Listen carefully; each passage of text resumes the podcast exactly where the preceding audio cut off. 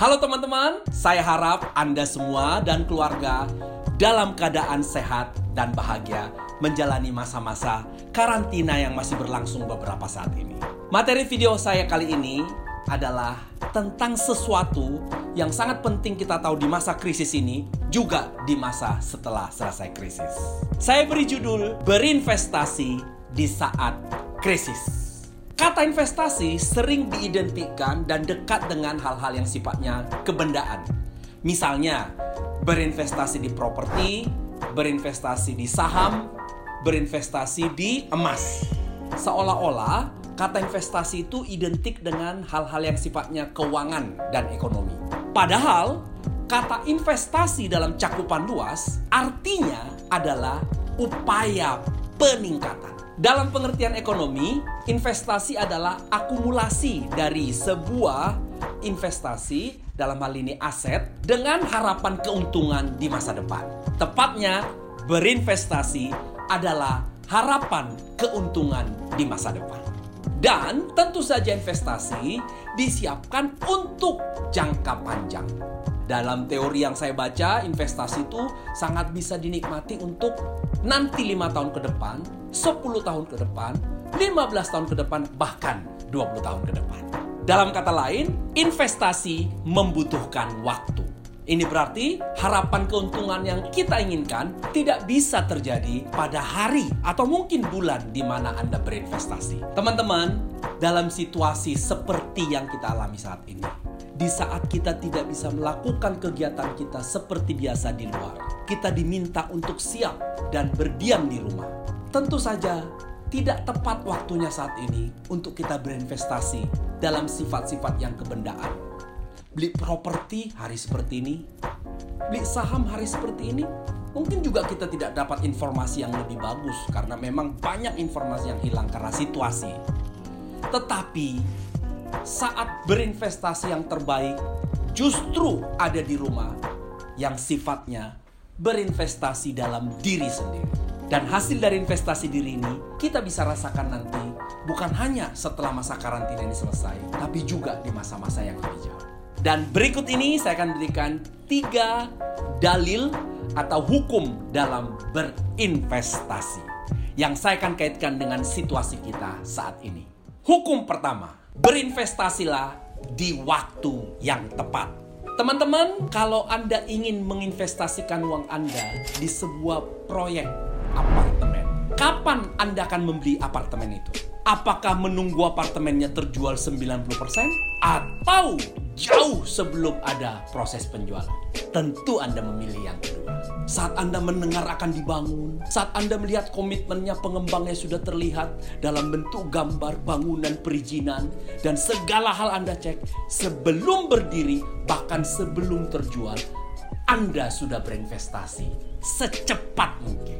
Nah, situasi saat ini adalah situasi yang tepat untuk kita menginvestasikan waktu kita, energi kita untuk diri kita membaca buku, melihat beberapa keterampilan-keterampilan, melakukan fresh conference, meeting-meeting, training, dan lain-lain, waktunya sangat tepat. Jadi, investasi terbaik di masa krisis adalah investasi terhadap diri sendiri karena waktunya sangat-sangat tepat.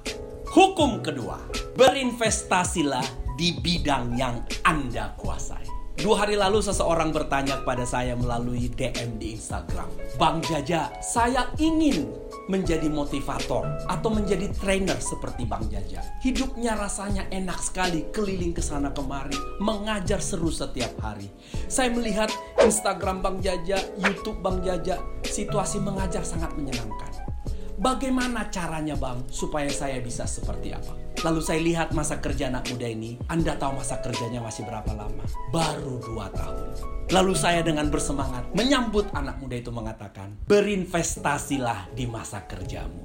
Tempuh masa kerja yang jangka waktunya cukup. Pelajari dan kuasai pekerjaan kamu. Dan tentu saja eksplor dirimu. Berinvestasilah di masa kerja.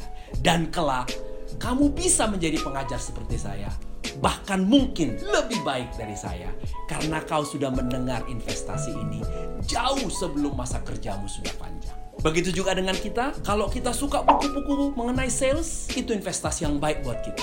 Buku-buku leadership itu juga investasi. Kalau Anda suka kamera, suka namanya fotografi, Anda investasikan waktu Anda di situ. Semakin Anda menyukai bidang yang Anda investasikan, maka energi Anda selalu ada.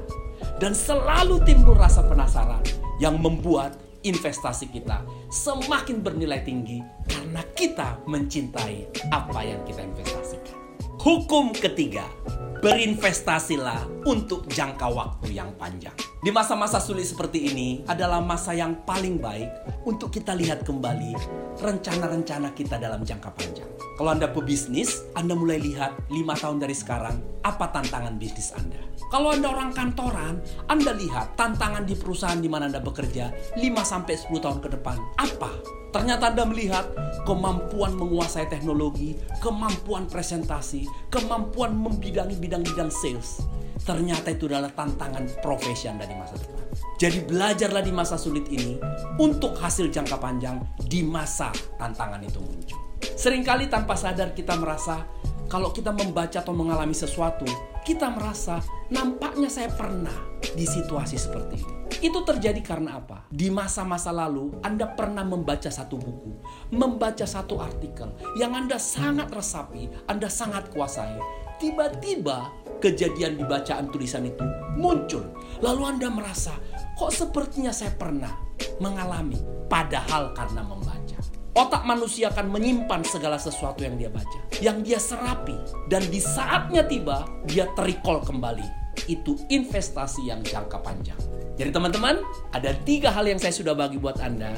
Semoga itu membuat kita bersemangat menggunakan waktu di masa krisis ini.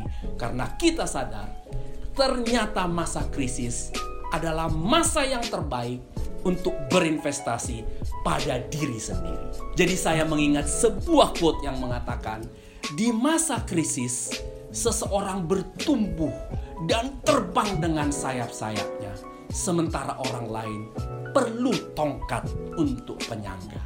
Mari teman-teman, kembangkan, kepakkan sayap Anda di masa depan dengan mengisi diri di masa sekarang. Semoga video ini bermanfaat buat Anda semua, bukan hanya mengisi masa-masa karantina kita, tetapi juga untuk melihat bahwa sesuatu di masa depan perlu saya siapkan hari ini. Selamat mengisi diri, selamat berinvestasi, tetap tinggal di rumah, dan video-video yang saya punya ini Anda bisa bagikan kepada orang saudara, sahabat Anda, supaya kita sama-sama dikuatkan. Jangan lupa subscribe, lalu Anda juga bisa menemui saya di banyak media sosial saya di deskripsi dari video ini. Sampai jumpa pada tema-tema video berikutnya, dan saya senang jika Anda kasih masukan materi-materi apa yang Anda perlukan. Terima kasih banyak.